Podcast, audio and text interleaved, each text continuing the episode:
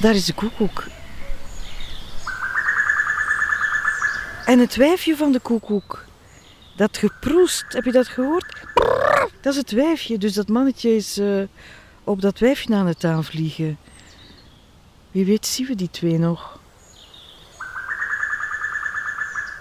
Ongelooflijk om dat wijfje te kunnen opnemen, want haar hoor je niet zo vaak. Mhm. En heel veel mensen kennen haar ook niet. Kennen alleen de koekoek van het mannetje. Als hij opgewonden is, zegt hij koek, koek, koek in drie tellen. Ik vind het heel leuk om die koekoek te horen, maar die heeft niet een al te beste reputatie natuurlijk.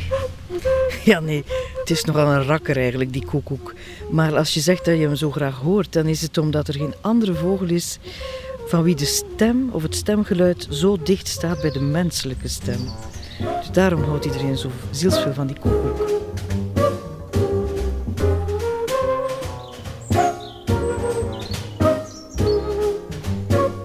Het is nogal een kastaar, want uh, het is een broedparasiet.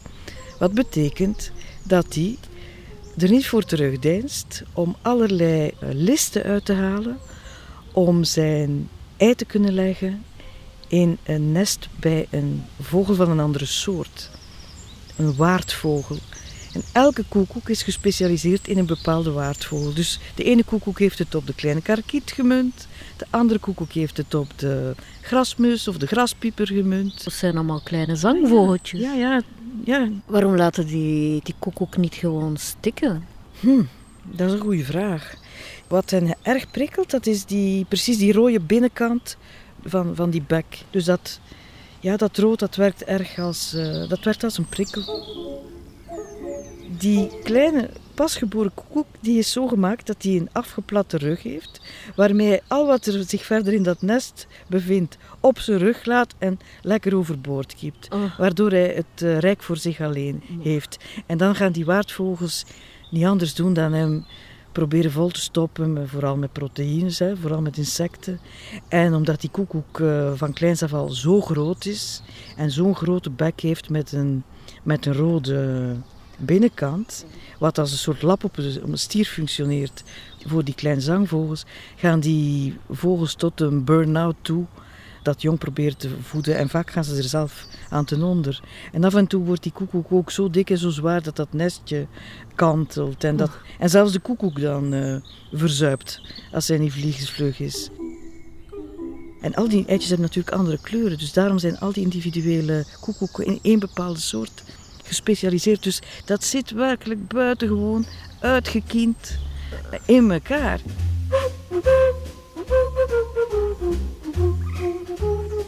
Daarnet hoorden we hem in de verte, maar nu lijkt hij toch op zich te laten wachten.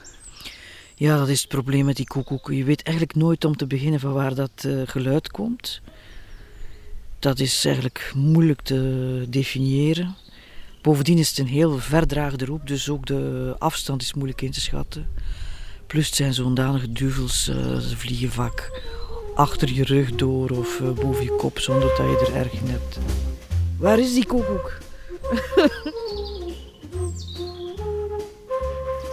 Ah, daar is hij. Oh ja, ja, ja. Jongen, dat gaat snel. Het wijfje heeft hem toch kunnen lokken dan. Ja, precies wel, hè? Prachtig.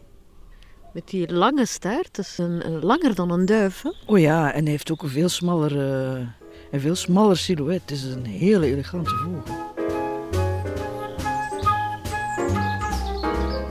Hij heeft wel ongeveer de kleur aan zijn bovenzijde van de, van de bosduif, van de houtduif. Dus lijgrijs.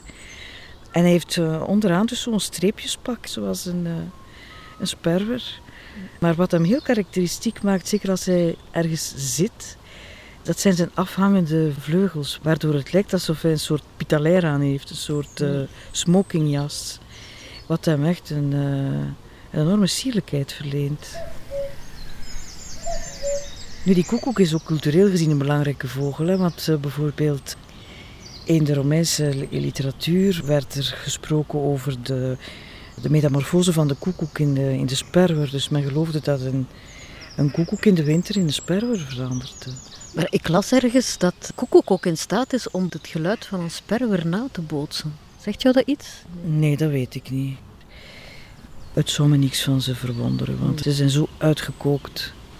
Ze zijn tegelijk ja, wezenloos, onsympathiek en tegelijk ja, fascinerend. Hè? Hij is een oplichter eigenlijk.